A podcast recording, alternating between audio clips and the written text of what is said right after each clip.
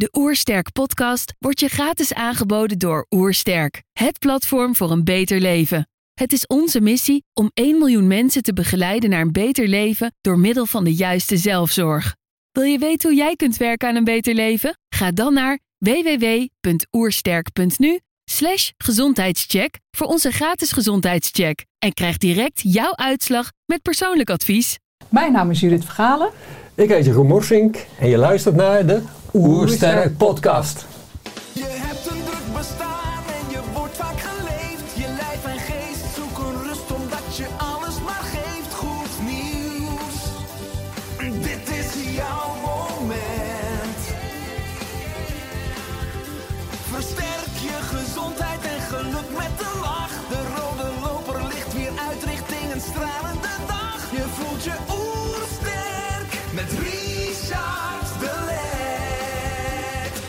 Zijn hier in Heemskerk voor een podcast met Jeroen Morsink en Judith van Galen.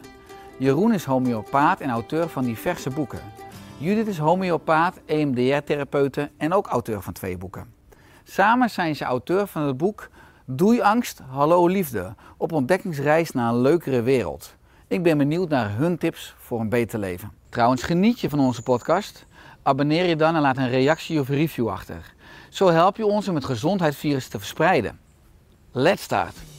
De Oersterk Podcast. Een ontdekkingstocht naar een beter leven. Jeroen en Judith, welkom. Dankjewel. Hallo. Jullie stuurden mijn boek toe en in het boek staat een hele mooie kaart. En in die kaart stond van alle aspecten van gezondheid, het fysieke, het mentale, het emotionele en het spirituele, is voor veel mensen spirituele gezondheid het lastig om te omschrijven. Toch ligt daar de diepste bron van ziekte en gezondheid. Eh, hoe kunnen we bij deze bron komen en hier balans brengen? Ja, dat is gelijk de vraag aan. Ja, ik denk een mooie openingsvraag. Ja. Ja, weet je, dit is sowieso, spiritualiteit is, is een lastig onderwerp. Hè? Want we hebben allemaal herinneringen aan kerken en toestanden die er fout gingen vroeger. En aan, aan die, die God die boven ons zit te straffen en al dat soort verhalen. Dus om echt daar een heel, vanuit een heel nieuwe kijk eh, te gaan zeggen tegen mensen van... joh, maar daar ligt iets waar je iets mee moet. Dan moeten mensen eerst al een drempeltje over. En uh, nou, we hebben geprobeerd dat zo toegankelijk mogelijk te krijgen. Van uh, ja, spiritualiteit is echt iets wat je,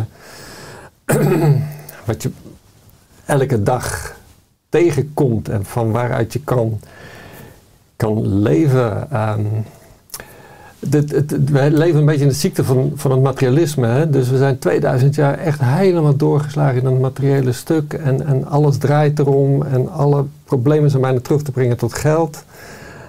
Dus wij denken dat het ontzettend hard nodig is dat we nu ook eens een keer gaan kijken vanuit een ander perspectief. Vanuit, hé, hey, maar draait het allemaal om geld? Of draait het om wie we zijn, wie we worden, hoe we ons ontwikkelen? Wat we komen doen hier op aarde. Dat is denk ik ook een hele belangrijke. Vooral dat, hè? Ja. dat je weet waar je vandaan komt en wat je hier komt doen. En dat je ook weet dat op het moment dat je tegen een muur oploopt, mentaal, uh, emotioneel of fysiek, dat het eigenlijk een uitnodiging is tot groei. Niets gebeurt voor niets. Toeval bestaat niet. En elke keer als je ergens klem komt te zitten, figuurlijk gezien, dan is dat een, een, ja, roep eigenlijk om heling van iets. En dat is wat mij betreft het spirituele aspect. En als je dat begrijpt, en dat is niet altijd eenvoudig om daarachter te komen, maar goed, daar kan je hulp bij vragen.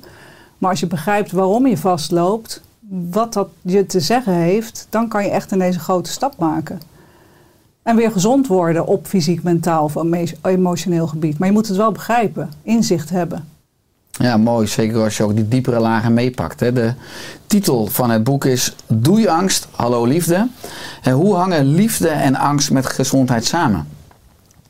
Nou, weet je, ik, ik zeg vaak tegen mensen in de praktijk... je trekt aan waar je vol van bent. Ben jij vol van angst, dan zal je dat continu tegenkomen in je leven. Dus uh, dat, we kennen natuurlijk extreme voorbeelden. Hè? Mensen met bijvoorbeeld een fobie. Mensen met uh, straatvrees. Uh, dat maakt uiteindelijk dat je wereld nog maar zich tussen vier muren afspeelt. Dus angst is een hele slechte raadgever. Tenzij het functioneel is omdat je bijna wordt overreden door een auto. Dan is het ontzettend fijn dat je angst voelt, want dan kan je heel snel naar de overkant springen. springen.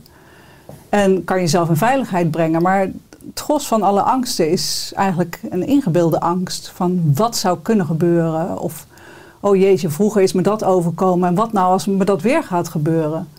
En eh, omdat je aantrekt waar je vol van bent, zal je ervaringen krijgen die passen bij dat angstbeeld. Wat je met je meedraagt. Ehm, ja, en zo word je eigenlijk steeds bevestigd in je angst. En dat geeft chronische stress. En we weten inmiddels allemaal wel dat door stress we uiteindelijk symptomen en klachten gaan krijgen. En als die maar lang genoeg duren en als je die maar lang genoeg onderdrukt, worden we uiteindelijk ziek. En als je dat dan maar weer lang genoeg onderdrukt, worden we chronisch ziek. En eh, liefde, als je vol bent van liefde, dan geloof je ook in het fenomeen overvloed. En dan weet je ook dat we allemaal één zijn en dat je. eh, eh, wat je een ander aandoet, dat je dat uiteindelijk ook jezelf aandoet. Dus je zal vanzelf dan vanuit liefde liefdevolle keuzes maken. Waardoor alles steeds makkelijker en soepeler gaat lopen. Waardoor je eigenlijk de bevestiging, bevestiging krijgt, ja, het leven is mooi. Ik zit op de goede weg. We hebben natuurlijk de afgelopen twee jaar een ongelofelijke, bijna een persiflage op de angst gezien. Hè? Het is zo groot geworden voor iedereen en we zijn zo in die angst gedoken. En je ziet dan in wat voor vicieuze cirkel je terechtkomt. Hè? Van meer vaccinaties, meer dingen. En, en het helpt helemaal niet om die angst kleiner te maken. Integendeel, mensen die worden alleen maar bang en bang en bang. En dat, dat komt omdat mensen het spirituele besef missen. Weet je, op het moment dat je weet van joh, het is, het is wel na misschien, maar doodgaan is misschien helemaal niet zo erg als we allemaal denken. Dat klinkt nou een beetje makkelijk, maar dat is uiteindelijk waar, waar het in de spiritualiteit om gaat, weet je. Er is een continuïteit van leven, er is, eh, we gaan altijd maar door. Dus in het ergste geval kun je doodgaan. Zo wat, zou ik zeggen. Ja, dat is vanuit de ziel bekeken, maar het ego is doodsbang om te sterven. Het ego is doodsbang. Ja. Ja. Ja. En dat is precies waarom het natuurlijk zoveel lijden is. Hè? We proberen zo wanhopig vast te klampen aan dit ene leven. Dan mag niets in fout gaan, maar tegelijkertijd door zo'n levensinstelling gaat er van alles fout. En wie weet, misschien is sterven wel eh, ultiem eh, weer gezond worden. En is geboren worden wel het begin van ziekte. Op een bepaald niveau. Ik begrijp dat op aardsniveau en vanuit de dualiteit werkt dat natuurlijk heel anders. En het is natuurlijk ook een boodschap waar veel mensen helemaal niks mee kunnen. Want ja, dat lijf kan pijn doen. En als je struikelt en je valt en je breekt wat, doet dat echt gewoon hartstikke pijn. En is dat vervelend, want je bent minder mobiel en je kan niet sporten en je kan niet meer fietsen en weet ik veel wat. Maar ja, vanuit zielsperspectief is het zo slecht nog niet. Weer terug naar huis gaan. Niet dat ik dat nu zou willen. Dat is een ander verhaal, want ik heb het leven lief. Ik vind het fantastisch hier op aarde. Ik vind het een bijzondere reis. Maar we zijn natuurlijk wel heel krampachtig bezig om dit ene leven vast te houden alsof het het enige leven is. Ten koste van alles. Precies. Mhm. En daar gaan we ver in. Pillen, drugs, drank. Om maar niet te voelen. Ja, en dan eh, betaal je uiteindelijk onderaan de streep daar een prijs voor. En dat willen we niet. We willen die prijs niet betalen. We willen één deel van de medaille. Ja. Ja, ja dat is mooi, want je zegt net het leven is mooi. Nou, aan de andere kant zou ik zeggen, de wereld is leuk. Dat is namelijk de subtitel van het boek op ontdekkingsreis naar een leukere wereld. En jullie schrijven dat we in een overgang zitten van een oude wereld naar een nieuwe wereld. Wat gaat er precies veranderen? Wat is er al aan het veranderen? Ja, ik, ik denk dat heeft iets met mannelijk en vrouwelijk te maken. Weet je, de afgelopen 2000 jaar ehm, hebben wij echt wel het mannelijke leren kennen tot in alle perversiteit bijna. Hè? Er zit een hele mooie kant aan, de hele wetenschap. Dat is een mannelijk dingetje. Hè? Dat is een linker hersenhelft. En dat, eh, dat heeft ons heel veel gebracht. maar als je kijkt naar oorlogen, naar, naar, misbruik, al dat soort dingen. Dat zijn liefdeloze, eh, eenzijdig, eh, egoïstische, mannelijke dingen. Hè? Want mannen die willen graag iets hebben, die willen bereiken, die willen, die, die, die willen verder, die willen meer. Die zijn niet... En dat is wat er nu aan het veranderen is. Dat je, dat je, weet je, die hele emancipatiegolf, dat zijn allemaal geen toevallige dingen. Dat, dat is dat vrouwelijke element wat zegt van, hé, hey, hey, ik ben er ook nog. Vergeet mij niet. Ik, eh, jullie, zijn, eh, jullie zijn 2000 jaar lang vergeten dat er ook nog iets is als gevoel en intuïtie. En, eh, en dat dat stuk nu naar boven komt. Niet om door te slaan naar als je eenzijdig vrouwelijk, maar om gewoon te gaan samenwerken. Dat is gewoon een ontzettend leuke, leuke tijd. En dat, dat maakt, als je, to- toevallig zei ik dat van de week tegen jou. Ik, ik zie regelmatig eh, zie ik van die interviewtjes over de oorlog. En dan zeggen kinderen van... Ja, maar dit kan toch niet in 2022? Weet je, dus er is een besef van... joh, dit is niet meer van deze tijd eigenlijk. Dat zijn oude mannetjes. Hè? Ze zijn bijna als een soort persiflage op zichzelf. Eh, die, die dit nog proberen in stand te houden. En heel krampachtig proberen vast te houden. Terwijl er ligt zoveel moois in het verschiet als we dat los kunnen laten. Dus als we het vrouwelijke met het mannelijke gaan verbinden, gelijkwaardig gaan maken, dan wordt het gewoon een eh, paradijsje paarden. Ja, wat je zegt is dat die machtsstructuren gaan afbrokkelen Absoluut. naarmate ja. het bewustzijn ook als collectief hoger wordt, stijgt. Ja, en daar is vaak natuurlijk crisis voor nodig, hè? Bedoel, een kind baren is ook best heel pijnlijk. En het wordt pijnlijker en pijnlijker. En als je pech hebt, krijg je een weeënstorm. En dan heb je nog persweeën. Maar uiteindelijk komt daar een prachtig kind uit. Het is bijna alsof we als mensheid nu ook in die fase zitten van eh, ja, iets nieuws baren. Maar dat gaat wel gepaard met heel veel turbulentie. En ik denk elke crisis maakt ook weer mensen eh, bewuster van hé, hey, maar hoe sta ik daar eigenlijk in? En eh, waarom eh, merk ik ineens een splitsing in de familie? Waarom gaat de ene helft die kant op en de andere helft die kant? En wat zegt dat over mij? Waarom verlies ik ineens allemaal eh, vrienden en vriendinnen? Oh, oké, die denken op een andere manier. En dan dient zich ook weer een nieuwe groep mensen aan, waardoor ook dat nieuwe stuk van iemand weer gevoed wordt. En ja, zo ontwikkelt een mens ook weer door als je het oude durft los te laten. En zo krijgt die nieuwe wereld steeds meer kracht en Ja, aanhang. maar degene als het die dus dat, dat proberen vast te houden, die schieten nu echt in de kramp. En dat zie je ook, dat wordt steeds gewelddadiger, eh, steeds eh, agressiever, eh, steeds verdovender. Hè. Dat, dat- dat- er, is een, er is een krampachtig vasthouden van die oude structuren. En help, help, er gaat iets veranderen. Dat moeten we niet hebben. Ja, nou. Ga er maar aan staan, maar het gaat gebeuren. Ja, maar je houdt het niet tegen. Nee, Nee. dit is echt... eh, Beide kanten hou je dus niet tegen. Dus aan de ene kant, hè, die oude wereld zet er nog wat meer gas op. En de andere kant wordt bewuster en bewuster en bewuster. En die wil absoluut niet meer terug naar die oude wereld. Ja, En als iedereen dat zou omarmen, heb je dus geen crisis nodig. Hè? Maar omdat het gevecht er is, ontstaat de crisis. Ja. ja, jullie bespreken in het boek zeven spirituele wetten of levenswetten. Eh, het zijn universele wijsheden. Eh, het lijkt nu heel erg, eh, wat jullie misschien ook net een beetje bespreken, dat we in alle informatie en cognitieve kennis eh, veel wijsheid zijn verloren. Hoe kan dit? Je beschrijft al de laatste 2000 jaar heel erg het mannelijke, maar hoe kan het dat ook die balans zo naar het mannelijke toegekanteld is? Kijk, achteraf denk ik dat alles klopt. Hè? Dus ik denk echt dat wij die 2000 jaar nodig hebben gehad om dat, dat, dat, eh, die linker hersenhelft ontwikkelen, om die techniek te krijgen. Ehm, maar het, ehm, dus ik denk gewoon dat dat, dat dat de grote golfstroom is in de tijd. En de kunst is voor ons om te kijken wat is die golfstroom en hoe gaan we daarin mee. En de ellende ontstaat als je er tegen gaat verzetten. Dus er is niks mis mee geweest met die mannelijke ontwikkeling en al die kennis die we hebben opgedaan. Ehm, maar uiteindelijk gaat het erom, wat ga je met die kennis doen?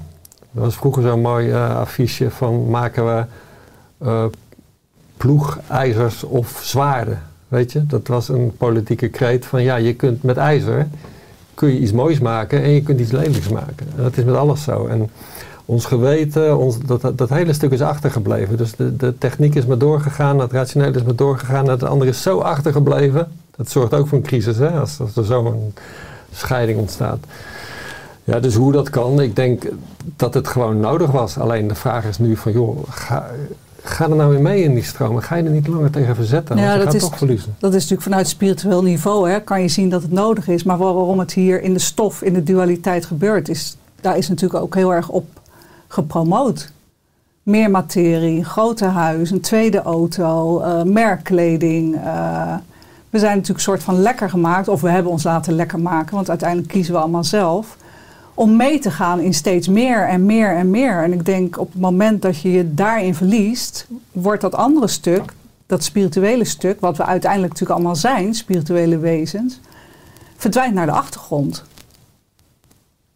Dus als jij steeds vaker meer denkt van hé, hey, maar ik ben gewoon een mens en eh, het gaat om eh, een goede studie en een flitsende carrière.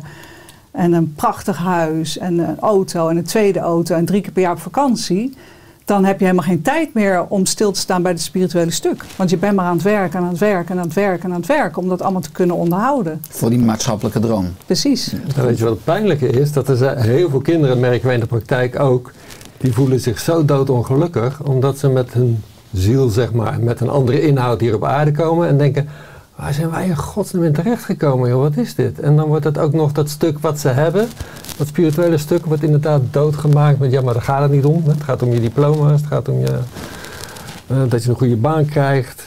Dus die kinderen lopen verloren rond. En die hebben behoefte aan eh, ja, een soort troost en aan mensen zoals jij en wij, eh, die zeggen van, joh, maar ehm, je bent helemaal niet gek. De- je bent wel degelijk op de goede weg, maar er is een hele massa die je probeert tegen te houden, omdat ze niet beter weten of omdat ze niet willen of om wat voor reden dan ook. Maar ik denk dat dat een, een belangrijke taak voor ons is om onze kinderen te troosten en te laten zien van joh, maar er is wel iets anders mogelijk.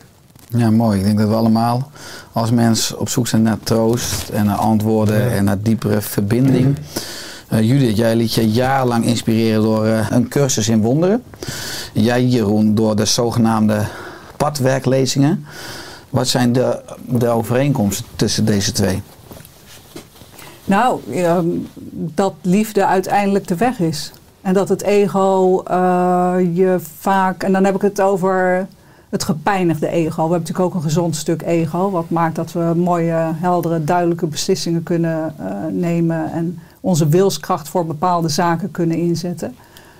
Eh, maar ik denk dat de overeenkomst is dat eh, het ego niet gevoed moet worden door angst, maar door liefde. En dat is in wezen natuurlijk ook waar het boek over gaat. Ja. Ja, het is. eh, wat ik, ik heb dat denk ik al 30, 35 jaar geleden de- voor het eerst in mijn handen gekregen, zo'n boek. En ehm, wat mij onmiddellijk trof was dat het veel verder ging. Het is eigenlijk een soort, ik noem het spirituele psychologie. Het gaat veel verder dan psychologie. Ja, ik heb niet zo hoog op met de psychologen van nu qua opleiding. Hè. Dit is eh, een van de belangrijkste vakken is statistiek bijvoorbeeld.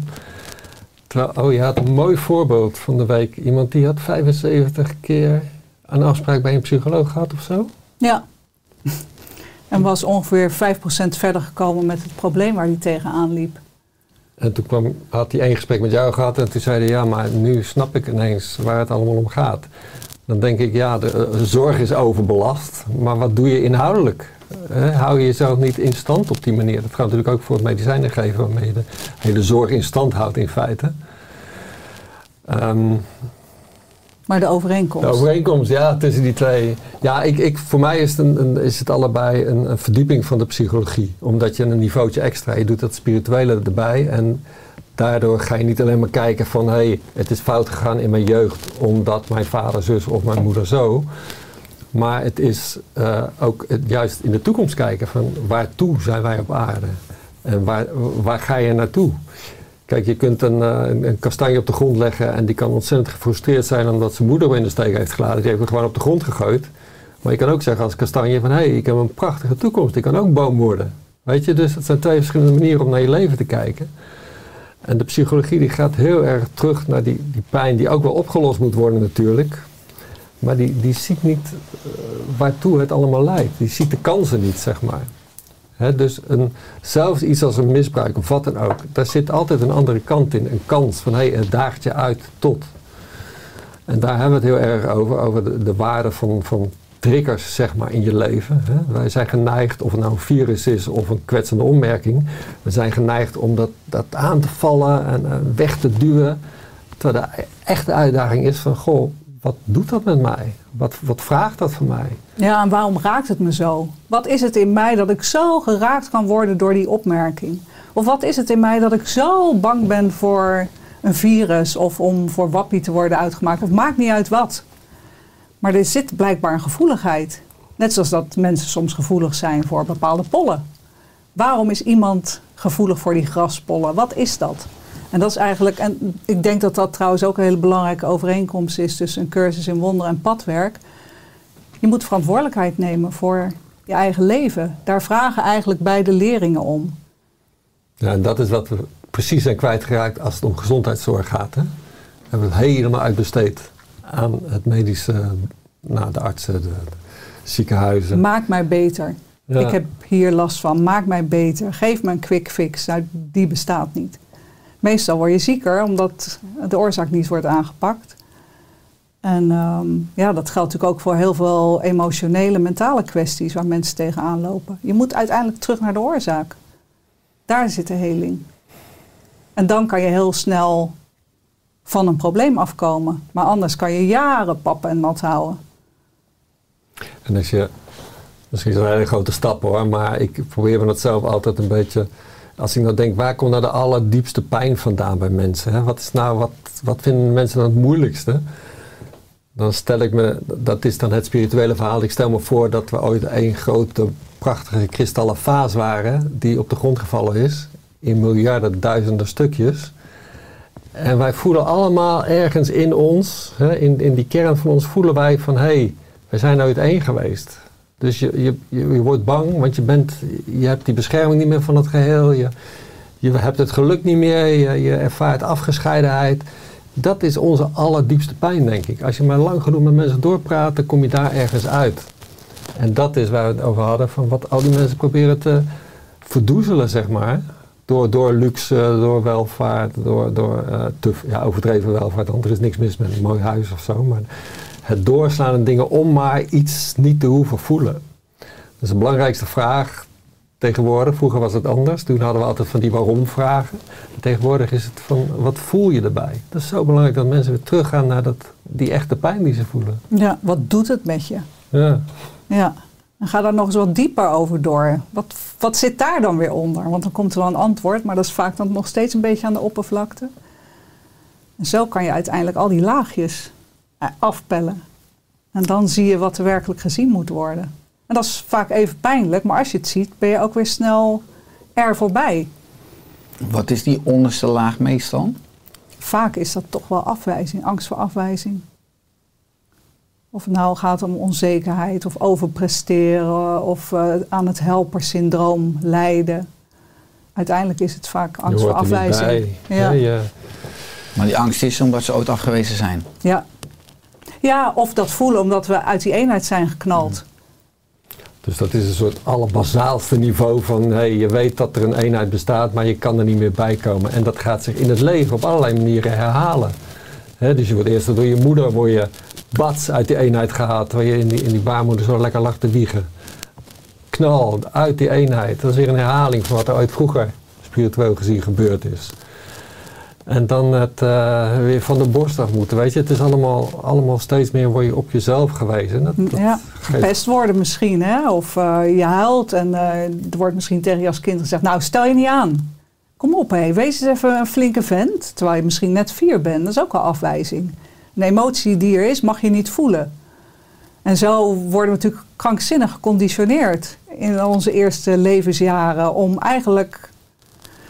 Ik denk dat we allemaal eh, geboren worden als een onbeschreven blad. En dat kan natuurlijk in de zwangerschap al misgaan. Hè? Maar over het algemeen worden de meeste kindjes geboren als een onbeschreven blad. En dat, als je pech hebt, gaat dat er heel snel mis.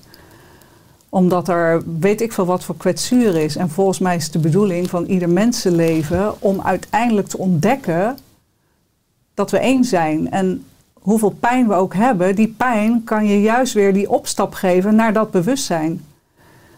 En eh, ja, ik vind het altijd heel mooi als mensen dat te durven zien en ook durven aan te pakken. Want je kan slachtoffer zijn de rest van je leven om wat er vroeger is gebeurd. Maar je kan er ook je kracht van maken. En de mensen die het laatste doen, die komen vaak ongelooflijk ver op een hele mooie manier. Die hebben gewoon zoiets van, ja, ik ga niet herhalen wat ik heb meegemaakt als kind. Ik ga het heel anders doen later.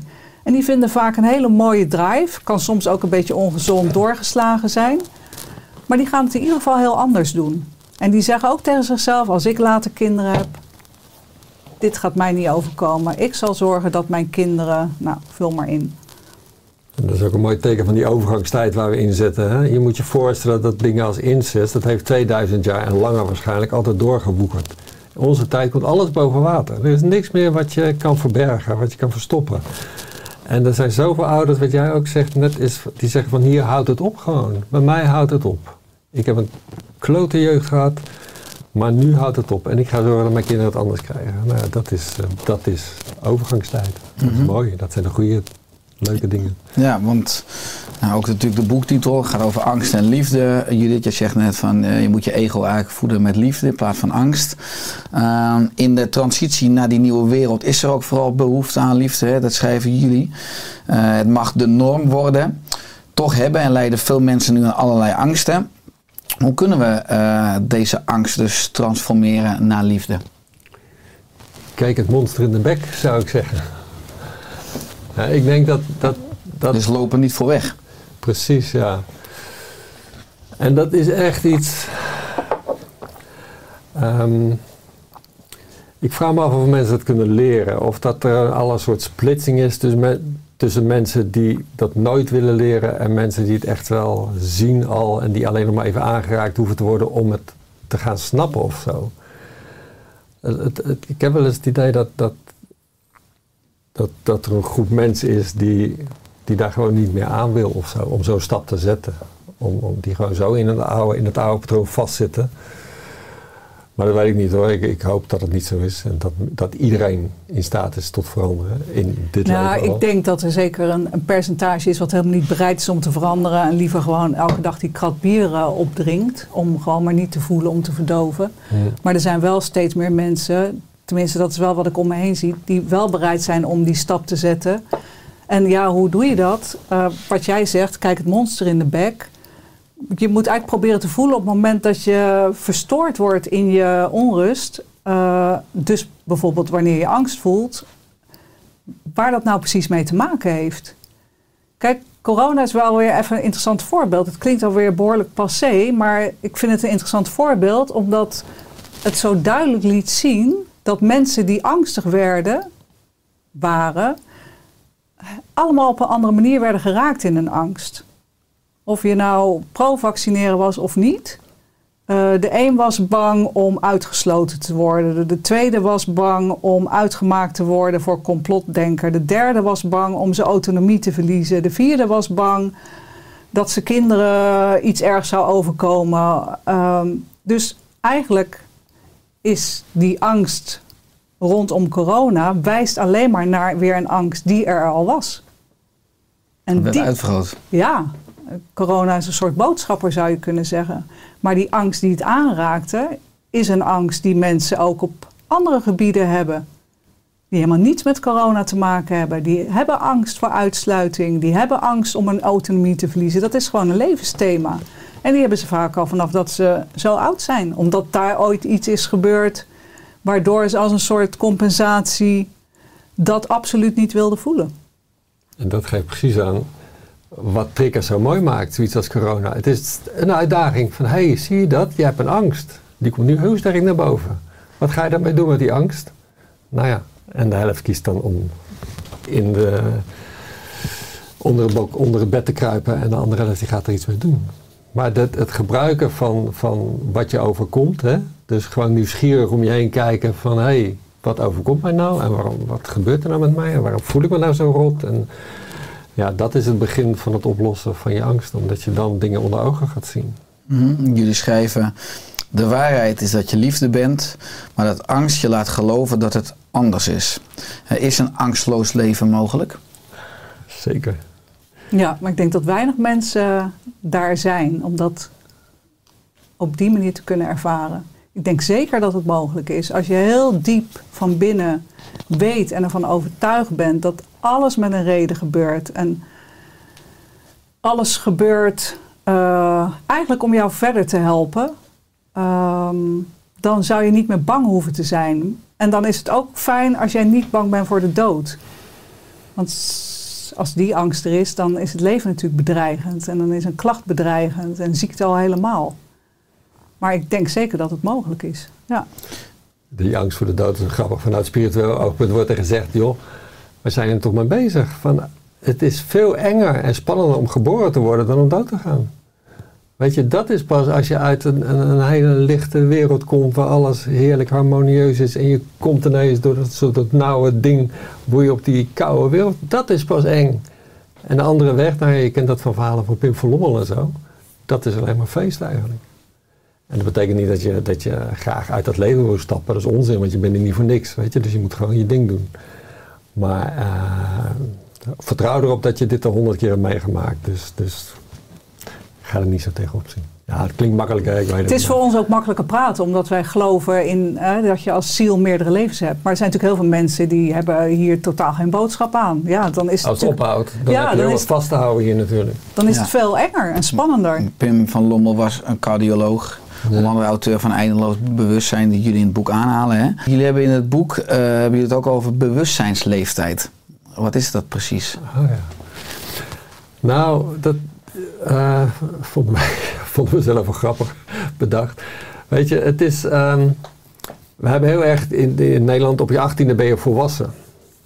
Maar eh, wat je vaak ziet is dat iemand eh, op zijn 40ste eh, aan een straatrace gaat meedoen en, en iemand doodrijdt. Hoe volwassen ben je dan? Weet je, dus volwassenheid heeft te maken met eigenschappen van jezelf. Dat je verantwoordelijkheid neemt, dat je rekening houdt met anderen. Eh, dat je, dat je eh, kunt delen, dat je niet egoïstisch bent. Dat, dat is echt volwassen zijn. En dus die leeftijd zegt helemaal niks. Er zijn, er zijn mensen die zijn 80 en die gedragen zich als een kind van 7. En er zijn kinderen van 7 die hebben de wijsheid van iemand van 80. Dus ik denk dat het veel belangrijker is, ook om als, weet je, als geneeskundige moeten we ons bepaalde doelen stellen. En dat gaat verder dan alleen maar die klacht verwijderen. Het, het grootste doel wat een geneeskundige kan doen is iemand begeleiden in zijn ontwikkeling. En ontwikkeling dat is vooral een bewustzijnsontwikkeling. En dat je ondertussen ook nog sterkere spieren krijgt, dat is prima. Maar het gaat vooral erom dat jij als je doodgaat, wijzer doodgaat dan op het moment dat je geboren was. Dan heb je iets nuttigs gedaan met je leven.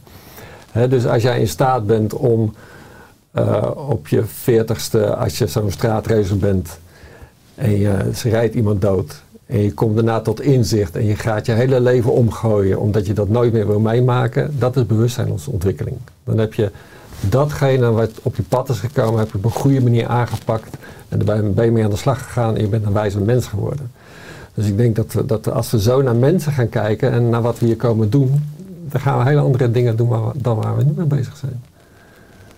Nou, want in het boek beschrijven jullie dus zeven spirituele wetten of levenswetten. Ja. Eén hoofdstuk gaat over de wet van bewustzijn. En daarin schrijven jullie: De gemeenschappelijke basis van al het kwaad op de wereld is een gebrek aan bewustzijn. Hoe kunnen we ook als mens en als mensheid het bewustzijn dus verhogen en vergroten? ja, hoe doe je dat? Misschien dus daarmee wel kunnen we dus dat kwaad ook uitroeien. Of is het een utopie in deze wereld van de dualiteit? Ja, ik denk. eh, kijk, het is niet makkelijk.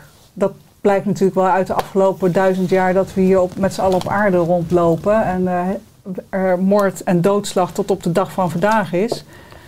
Eh, maar dat bewustzijn ontwikkelen, ja, ik denk dat de weg naar die bewustzijnsontwikkeling, daar hebben we het eigenlijk al een paar keer over gehad, is toch steeds weer opnieuw zien waar loop je vast, waar heeft dat mee te maken.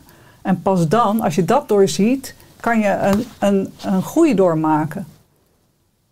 En op een andere manier werkt het gewoon niet. Je moet je bewust zijn wat stagneert, hoe je je pijn compenseert. Of het nou door te veel eh, drinken is, of gamen, of een hele vervelende werkgever zijn. Maakt niet uit wat het is, maar er is iets wat je niet onder ogen wil zien. eh, zien. Er is iets wat je aan het compenseren bent. En daarmee aan de slag gaan, dat maakt je een bewuste mens. En als we dat allemaal 10% meer doen, worden we als mensheid 10% bewuster. En als, we, als het lukt om het volledig te doen, dan is ons bewustzijn zo enorm toegenomen dat we dan echt die hele mooie wereld hebben. Alleen je moet aan de slag met jezelf. Ik kan niet zeggen, ja, door jou Dat zeg, Heb je ik altijd, hier- altijd- dat zeg je altijd. heb ik hier last van. Nee, Dat is Er- anders. Ja. Ik zou, ik zou ontzettend graag reclame willen maken voor bewustzijn, weet je. Want bewustzijn is onmiddellijk gekoppeld aan geluk. Op het moment dat jij meer weet, meer inzicht hebt, meer begrijpt, dan kun je daarmee je situatie meer gaan bepalen. Dus je kunt gelukkiger worden. Op het moment dat ik weet dat ik elke keer als ik, als ik s'avonds dronken ben, dat ik dan de hele volgende dag eh, niks waard ben. En dat dringt tot me door. En ik denk, hé, hey, ik, misschien ga ik wat minder drinken. En ik heb een veel leukere dag daarna. Dan is dat bewustzijn. Dus dat, dat, betekent dat jij eh, gelukkig kan worden met bewustzijn. Je kan je gezondheid bepalen door bewustzijn. Door dingen te weten, door anders te gaan eten. Dat is allemaal bewustzijn. Dus ik denk dat mensen ook niet beseffen dat bewustzijn zo belangrijk is. Dus Eigenlijk zou het gewoon een vak moeten zijn, al op de lagere school. Passend bij een kind van eh 4, 6, 10 en ook op de middelbare school. Je moet eigenlijk gewoon lessen krijgen in bewustzijn. Die gaan over hoe ga je om met je lichaam, hoe ga je om met elkaar, hoe ga je om met voeding, gezond eten, met de natuur. Weet je, je, je kan als mens zo ongelooflijk veel keuzes maken, elke minuut van de dag. Maar welke keuze maak je? En wat voor gevolg heeft jouw keuze? En ja, het zou fantastisch zijn als we daar veel meer inzicht in hebben. En nu doen we vaak maar wat hè, op basis van onvrede die we voelen of iets wat we heel graag willen hebben. Ook vaak weer vanuit onvrede. En de gevolgen die overzien we vaak helemaal niet. Maar als dat bewustzijn natuurlijk al heel jong ontwikkeld wordt bij kinderen, dan, dan groeien ze op tot volwassenen die niets anders kunnen dan bewust keuzes maken. Eigenlijk wil je kinderen al, moeten wij kinderen de kans geven om er bewust te zijn. En het begint met de vraag van, hé, hey, wie ben jij? En dat vragen we onze kinderen niet. Wij zeggen alleen tegen onze kinderen, kijk, als je in groep 4 zit moet je dit kunnen. Als je in groep 6 zit moet je dat kunnen. En dan heb je dat diploma nodig en dan ga je naar de middelbare school. En als je een goede CITO-toets haalt, ga je daar naartoe.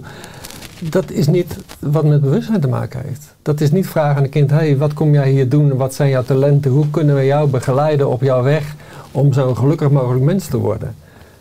Dat is op een bewuste manier met onderwijs omgaan.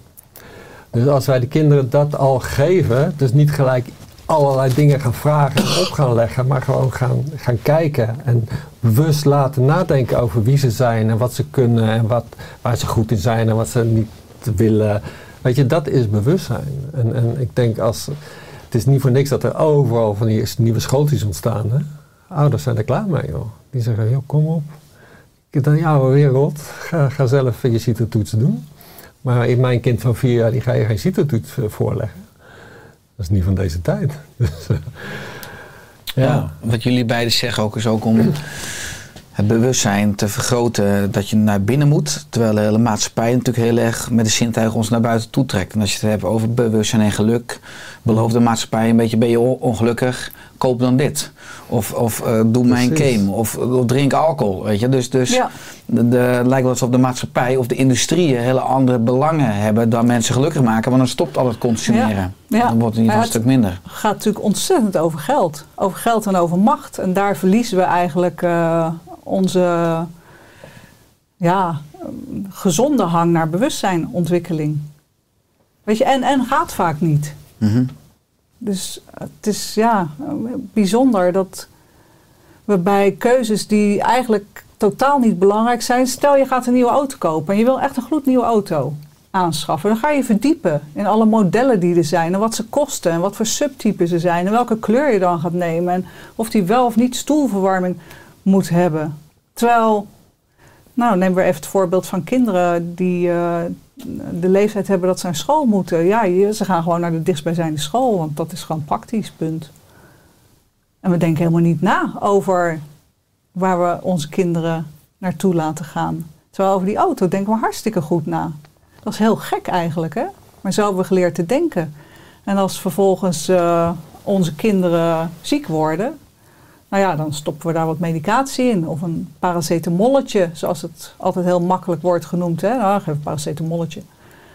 Terwijl als die auto wat mankeert, nou, dan eh, gaat hij naar een garage en dan wordt er bekeken waarom er ergens een lampje brandt of iets rammelt of aansleept of weet ik veel wat. Dat is eigenlijk heel raar. Dat die auto veel meer zorg krijgt.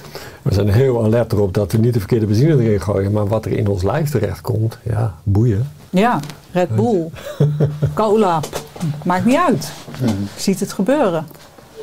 Ja, wat je ziet als mens universeel dat we ons vaak verder in het leven ontwikkelen. Er gaat ook een hoofdstuk over in het boek. In de hoofdstuk eh, over de wet van ontwikkeling noemen jullie zeven stadia. Het eerste stadium is het paradijs in de baarmoeder en stadium 7 is magie. En maakt ieder mens deze ontwikkeling, dus alle stadia door? Nou, dat, dat is niet in één mensenleven. Hè? Dit is echt een hele grote cyclus. En, eh, want het, het- we vergelijken het ook met ehm, wat er in het mensenleven gebeurt en wat er in de geschiedenis van de mensheid gebeurt. Hè? Dat, dat de mensheid heeft ook een kindertijd gehad en heeft ook een eh, soort puberteit gehad. En, ehm, Dus het antwoord is nee, het is veel groter dan je eigen leven. Ja, precies. Er zijn echt mensen die, die gewoon hun hele leven in een bepaalde fase zitten. En dat is ook. Dat, dat maakt het ook zo moeilijk om te oordelen over elkaar, weet je. Want we weten helemaal niet waar die ander mee bezig is. We vinden van, ik doe het zo, dus iedereen moet het zo doen. En eh, als, als we daar zicht op hebben, van joh, iedereen zit in zijn eigen fase. Laat, laat iemand lekker rustig daar zitten en help hem daarbij, begeleid hem daarbij. Maar maak je niet druk en ga niet op Twitter zitten zeggen dat iemand gestoord is omdat hij het anders doet dan jij. Weet je, dat, dat, het eh, inzicht in, in, in zien dat we ons aan het ontwikkelen zijn en dat er bepaalde stappen in gemaakt worden. Dat, en elkaar daarin respecteren, dat maakt het leven zoveel eh, leuker, makkelijker in ieder geval. En tegelijkertijd denk ik ook dat er heel wat mensen zijn, en volgens mij eh, steeds meer de laatste decennia, die wel een behoorlijke ontwikkeling doormaken in al die fases. Dat er in deze tijd ook best wel mensen zijn die in die magische fase zijn. Die het heel goed lukt om eh, vanuit een heel gezond bewustzijn eh, het leven zo te creëren als voor hun en hun omgeving wenselijk is. Dus je zou kunnen zeggen, dan ben je ook een beetje in die magische fase beland. Ja, maar misschien moet ik dat even toelichten, want het klinkt zo magische fase. Maar het, het enige wat, wat er magisch aan is, is dat oorzaak en gevolg steeds dichter bij elkaar komen. Omdat je zo bewust bent en, en zo, zulke keuzes kunt maken dat, je, dat, je, dat het steeds dichterbij komt. En, en eh, dan lijkt het alsof het je al gelijk toevalt terwijl je het alleen nog maar denkt. Maar het is een kwestie van eh, niet als een zombie rondlopen en maar wachten wat er op je afkomt. Maar echt heel bewust gaan sturen van hé, hey, ik maak deze keuzes. En, eh, en dat is niet zo makkelijk, hè, want is- ik weet niet of je het daarover wil gaan hebben, over die wet van creatie. Ehm, maar het, het- je kunt van alles willen, maar onbewust kan er van alles gaan tegenwerken. Hè? Dus je kan zeggen, ik wil rijk worden. En dan kan een stemmetje zeggen, ja, maar je kan het niet. Je, je, Je verdient het niet. je verdient het niet. Dus dan, dan werkt magie niet, weet je. Want dan, dan zeg je, ja, maar ik doe toch zo mijn best. Ja, maar hallo, met zo weinig zelfvertrouwen en zo'n laag zelfbeeld ga jij het gewoon niet redden. Het gaat niet werken. En ik denk, eh, als je meer in staat bent om vanuit liefde te leven, dat die magische fase zich ook makkelijker laat zien aan je. Want, nou, nogmaals, je trekt aan waar je vol van bent. Dus ben je vol van dat liefdevolle stuk en weet je angst buiten de deur te houden, omdat het gewoon geen raakvlak meer met jou heeft, dan ontstaat die magie vanzelf. Ja, want je noemt net zelf, eh, Jeroen, dat oorzaak en gevolg dichter bij elkaar gaan Ja. liggen. Daar zit ook een hoofdstuk over en daar schrijven jullie... de wet van oorzaak en gevolg zegt dat jij in wezen de oorzaak bent van je eigen gevolgen. Dus van je eigen leven. Nou, het gaat ook over de maakbaarheid van het leven, over de rol van de epigenetica. Is het leven maakbaar? Hè? Als, je, als we kijken vanuit deze wet. En hoe kunnen we misschien zelf dus een betere oorzaak worden, zodat we ook betere gevolgen krijgen in ons leven? Ja, ik denk zeker dat, dat het leven heel maakbaar is. En er zijn natuurlijk altijd eh, situaties en, en voorwaarden waar mensen mee te dealen hebben. Eh, het is natuurlijk heel anders als jouw bedje staat in een eh, derde ontwikkelings, in een ontwikkelingsland of in een welvarend land als Nederland. Maar ehm, ja, weet je, eh, elke keuze die je maakt heeft een bepaald gevolg. En ehm, weet je, of je nou je eh, tuin laat bestraten met, met alleen maar grote grijze tegels zonder één stukje groen. Daar kan je geld aan uitgeven. Je kan ervoor kiezen om alleen maar eh, zoete zooi te drinken. Eh, maar je kan er ook voor kiezen om eh, water te drinken, groene thee en gezonde voeding. Je, je kan elk moment kan je kiezen wat je doet met wat je in je stopt, met wat je koopt. Koop je bij bol.com of koop je bij de plaatselijke boekhandel. We zijn ongelooflijk machtig als mensen. Alleen het bewustzijn ontbreekt vaak om keuzes te maken waarvan we weten dat ze bepaalde gevolgen. Daar staan we gewoon niet bij stil. Dat, dat zijn we niet gewend om zo na te denken. Maar als het jou zou lukken om elke dag, bij elke keuze die je maakt. En in het begin voelt dat natuurlijk heel onwennig, want dan moet je bij alles gaan stilstaan. Maar als het al lukt voor een bepaald deel van alle keuzes die je in een dag maakt. Dan word je een steeds bewuster mens en dan is het dus ook veel maakbaarder. Maar Want- dat hangt dus af van de mate van bewustzijn. Ja, Dus dat heeft ook met die levensfases te maken. Als je tegen een baby zegt, joh, het leven is maakbaar, dan, dan zegt hij tata, weet je. En dan zegt hij, hoezo maakbaar? Als je tegen een peuter zegt, is het leven maakbaar, dan zegt hij, hoezo? Als je tegen een volwassene zegt, is het leven maakbaar, zegt hij ja. Weet je, dus op het moment dat jij eh, je hele leven in een soort kinderlijk stadium zit, dan is je leven niet maakbaar. Dan zit je in een situatie waarin alles je overkomt. Dat, dat gevoel heb je dan. Terwijl op het moment dat je echt bewust leeft, dus echt volwassen bent, en, en, en dat betekent dat je verantwoordelijkheid neemt voor de oorzaken en de gevolgen, dan is je leven wel maakbaar. Dus je kunt eigenlijk niet zeggen van voor iedereen is het leven maakbaar. Nee, voor heel veel mensen is het leven niet maakbaar. Die ervaren het niet zo. Die zouden het misschien wel kunnen, maar dan moeten ze een heleboel gaan, stappen gaan zetten. En dan, dus hoe verder je komt in je bewustzijnsontwikkeling, hoe meer het leven maakbaar wordt. Ja, als we gaan inzoomen op gezondheid. Jullie benoemen in het boek een definitie van gezondheid van George Vitulkas, spreken. ja. Vitulkas. Eh, en zijn definitie is: gezondheid is vrijheid van pijn op fysiek gebied, wat leidt tot een gevoel van welzijn. Vrijheid van lijden op emotioneel gebied met als resultaat een dynamische toestand van sereniteit en kalmte. Vrijheid van egoïsme op mentaal-spiritueel gebied met als resultaat volledige verbinding met waarheid. En mag deze definitie ook in de reguliere geneeskunde worden omarmd? lekker fantastisch. Heerlijk. Ja, Het, het, het, het heeft nogal. Het vraagt een heleboel uitleg natuurlijk. Hè, maar wat, wat het allerbelangrijkste is en waar de reguliere geneeskunde echt stappen in moet gaan zetten, is dat ze beseffen dat ziekte op meerdere niveaus plaatsvindt. En er is natuurlijk nog altijd voor 80% aandacht voor dat lijf. En voor 20% is er dan sinds Freud is de psychologie ontstaan. En dat heeft dan ook wel aandacht. Maar hoe het echt werkt en hoe die emotionele dingen doorwerken op het fysieke stuk. En, en hoe, hoe dus zelfs eh, je ook over spirituele gezondheid kan praten. Want mensen zeggen, hoezo spirituele gezondheid, wat is dat dan? En er staat volgens mij een voorbeeldje in van de meeste crimineel. Die fysiek elke dag naar de sportschool gaat, sterk is, leuk met zijn kinderen omgaat, eh, dus emotioneel gezond is. Heel scherp kan denken, maar hij, kan precies, eh, hij weet precies hoe hij die overval moet plegen, goed uitgedacht. Dus die is fysiek, emotioneel, mentaal hartstikke gezond. Maar wat klopt er dan niet? Dat hij op spiritueel niveau ziek is. Want hij gaat ten koste van anderen, gaat hij zijn eigen gewin halen. Dat is ziekte. Dat is net zo ziekte en waarschijnlijk nog veel erger dan dat je diabetes hebt. En dat besef, dat mensen dat die fixatie op dat lijf loslaten en zeggen van hé, maar wie ben ik als mens? Hoe gezond ben ik als mens? Wat draag ik bij aan de wereld? Wat draag ik bij aan mijn kinderen, aan de buurvrouw? Weet je, dat is dat besef wat door moet dringen in de gewone geneeskunde. En dat we ophouden met die symptomen onderdrukken. Ja, want het is een fantastische definitie. Ik heb hem nog nooit gelezen, dus dank daarvoor. Hij is homeopaat. Jullie zijn beide ook homeopaat. Eh, welke rol speelt homeopathie in jullie leven? Nou, nou bij mij een hele grote belangrijke rol vanaf dat ik 17 ben. Eh, ik ben nu zelf sinds een jaar of 14, 15 homeopaat. En ja, ik vind het een prachtig vak. Omdat het heel erg gaat over de essentie. Over de essentie van iemands lijden. Hè. Dus iemand kan eh, met eczeem komen of met astma. En je wil altijd begrijpen als homeopaat... Hé, wanneer is dat ontstaan, die astma? En wat speelde er in die tijd in je leven? En je ziet dus... eh 95% van de tijd, niet iedereen heeft er altijd precies zicht op... maar dat er een crisis is geweest in het leven... waarna bepaalde klachten ontstaan. En die crisis kan een emotionele crisis zijn. Dat kan ook een, eh, een stoffelijke crisis zijn. Omdat je bijvoorbeeld met asbest hebt gewerkt. Of eh, nou, kan van alles zijn. Maar je wil begrijpen, hey, je bent ziek geworden. Wanneer is dat gebeurd? En wat speelde er? En als je dat begrijpt, en dat is wel belangrijk in het gesprek. Dat je samen een soort van dat puzzeltje probeert te maken.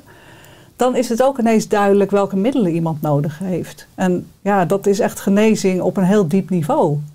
En dat heb ik al zo vaak mogen meemaken. En dat is fantastisch. Dus je gaat heel erg de diepte in met iemand om al die specifieke informatie boven water te krijgen, waardoor iemand zich zichzelf ook nog beter leert kennen. En de juiste middelen zorgen ineens voor een soort turning point bij iemand. Mentaal, fysiek, emotioneel en het liefst ook spiritueel. Passend van waar iemand is in zijn eigen proces. Dus dat is een hele mooie dans. Want dat, dat is wat holisme is. Hè. Holisme wordt zo vaak eh, op een verkeerde manier gebruikt, denk ik. Maar holisme betekent al die vier niveaus. En wat er dan gebeurt, is dat iemand met migraine komt, of met hoofdpijn, of met reuma. En dat je een middel geeft. En dat iemand na drie weken zegt van nou, het, pijn is wel een klein beetje beter. Maar ik merk dat ik ineens veel assertiever ben. Ik kom veel meer voor mezelf op. Dan denk je, oké, ik geef iets. Je geeft dus in de homeopathie niet iets voor reuma of voor hoofdpijn. Je geeft iets voor die mensen om alles lekkerder te laten functioneren. En dat zie je meestal eerst terug op mentaal, emotioneel niveau. En dan komt dat lichaam, dat komt vanzelf achteraan. Maar dat geeft ook aan dat het daar begint. Weet je, dat als je, als je die mentale, emotionele verbetering bij patiënten ziet, dan weet je, oh, dat lichaam dat volgt wel op een of andere manier. Want daar ging het ook voor het eerst mis. In dat mentale, emotionele. En misschien als je pas eh, tien jaar later de eerste reumatische verschijnselen. Dus de genezing gaat ook in die volgorde. Is het vanuit dat perspectief ook een gemiste kans dat eh, eh, mensen in de zorg vandaag niet de beste zorg krijgen? Als je kijkt ook tussen eigenlijk de kloof tussen de reguliere geneeskunde en de complementaire geneeskunde. Misschien heel zwart-wit dat een reguliere arts zegt, ja, homeopathie, hè, dat, dat werkt niet.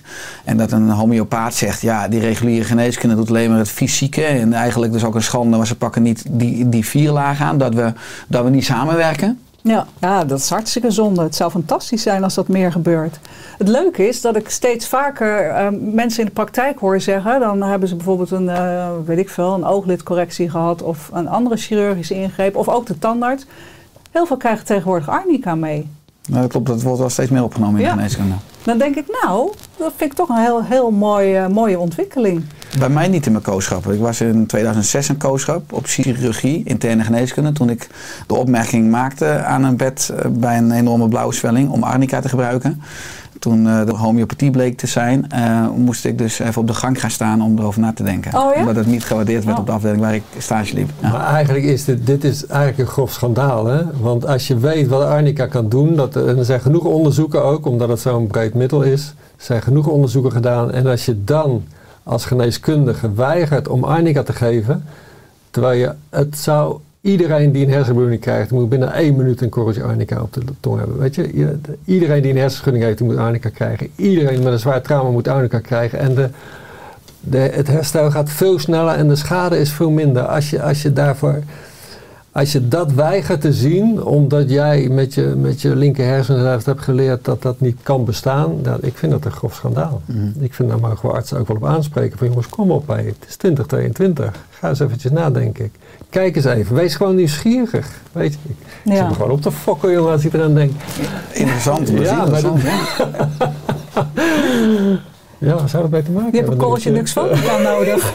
Niks voor me dat werkt ook goed. Nee, ja. maar het is, dat, ik vind het best wel pijnlijk. Dat, Mm. dat, dat, eh, dat er een soort starheid is, een eigen wijsheid. En, en, en gelukkig, weet je, ik, ik, dat is misschien een gek verhaaltje, maar ik was eh, ooit eens eh, bij de introductieweken van de medicijnenstudenten in Groningen.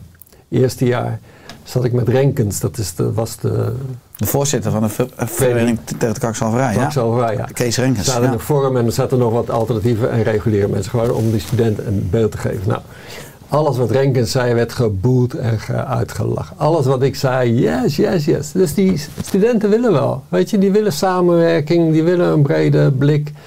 En tien jaar later, wat is er van over? Er zijn nog zo weinig artsen die op dat moment zeggen van... hé, hey, en er zijn er gelukkig een paar hè, die zeggen: Ik ga met voeding aan de slag. En ik ga met, maar Ja. er is zoveel kapot gemaakt in zo'n studie. Als het gaat om, om echt genezen en echt openstaan voor, eh, voor het grotere perspectief. Ja, dat is, eh, dat is jammer. En, en het is niet voor niks, weet je, dat de zorg vastloopt, dat het huisartsen tekorten komen. Eh, het is gewoon tijd voor iets anders. Nou, dus die crisis i- eh, is ook goed. Kan er weer wat beter, crisis. wat Ja. beter doorbreken. Ja.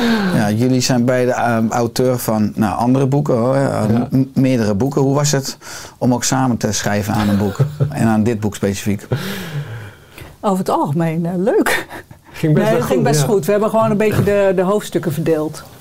En eh, uiteraard elkaars teksten gelezen en eh, geschaafd. En ja, dat was best een soepel proces. Ik denk dat we het in een klein jaar hebben geschreven.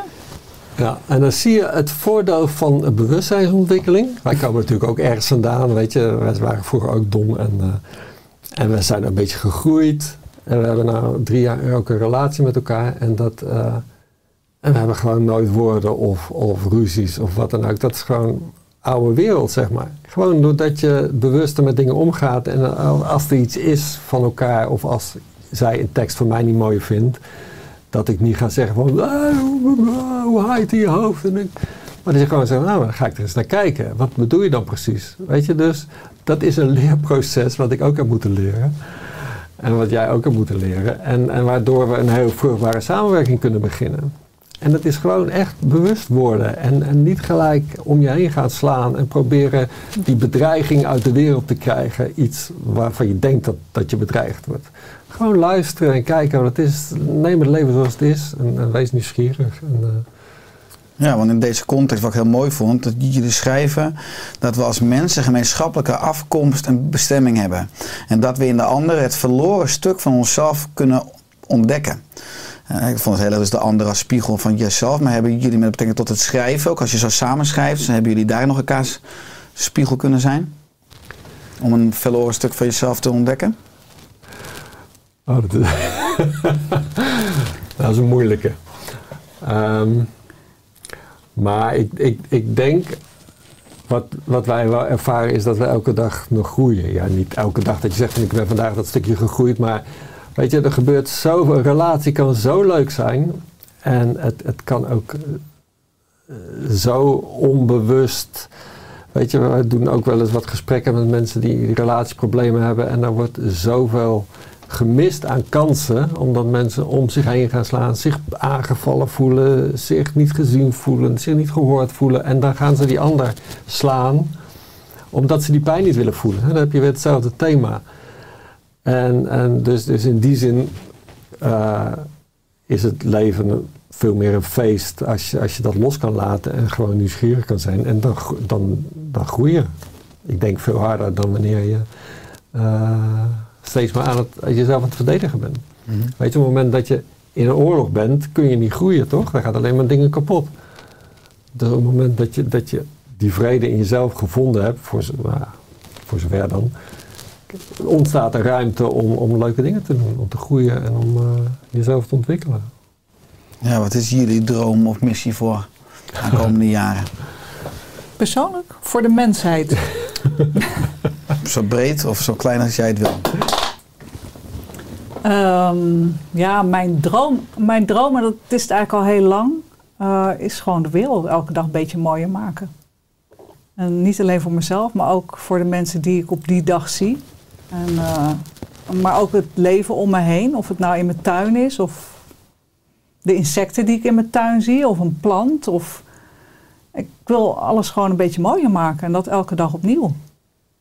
En daar doe ik heel graag mijn uiterste best voor. Dus hoe meer groen, hoe blijer. Hoe lekkerder eh, de maaltijd die ik een vriendin of een vriend kan voorschotelen.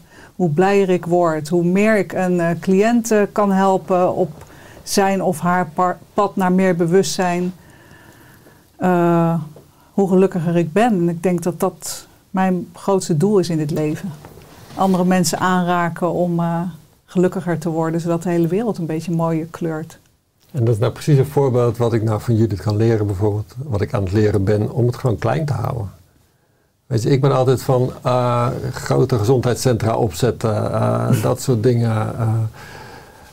En, en, en het kan gewoon inderdaad klein zijn. Ik, ik ga me heel rot voelen als ik niet iets groots kan neerzetten. Terwijl Judith zegt, joh, kijk nou toch gewoon inderdaad. Kijk nou eens naar je moestuin. En dat is, Hoe ja... mooi die kool groeit. Hoe fantastisch. Kijk die nerven van zo'n koolblad. Ja, dus daar, daarin kan je heel veel van elkaar leren door gewoon eh, daarvoor open te staan. Ja, dat, eh, Nieuwsgierig te zijn. nieuwsgierig zijn. Ja. Mooi. Wat is het gekste Eh, dat jullie misschien ook de laatste tijd sinds het boek uit is. Het boek kwam trouwens sowieso uit natuurlijk in een gekke tijd, september 2020. Uh, wat was het gekste sinds het boek ook uit is wat jullie hebben ervaren? Misschien ook wel aan, aan brieven of aan mails of aan reacties? Of, Met betrekking tot het boek bedoel je? ja. Nou, mag het ook het mooiste zijn? ja, zeker. Dat kan ook gek mooi zijn. Ja. Nou ja, te gek mooi. Ja? Ja, te gek mooi, Annemiek. Oh ja, ja, ja. Ja, een eh, vrouw die op de IC-afdeling werkt van een eh, academisch ziekenhuis. Die de eerste coronagolf Al over twintig haar jaar heen krijgt. daar, hè? Ja, 20 jaar, hele goede kracht. eh, helpt ook andere mensen opleiden. En die wordt eigenlijk wakker tijdens die eerste golf coronapatiënten. En die heeft zoiets van, wat? Moeten we deze mensen gaan draaien van hun buik op hun rug naar hun buik en intuberen? En dat gaat niet goed aflopen. Deze persoon heeft een BMI die de pan uitreist. En met deze lijst aan medicatie die deze persoon al zoveel jaar slikt.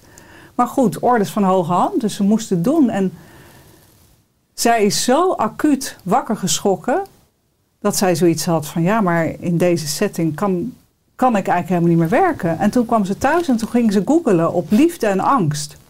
En toen kwam ze dat boek tegen. Dat heeft ze besteld. Ze las het. En ze had zoiets, maar dit is het.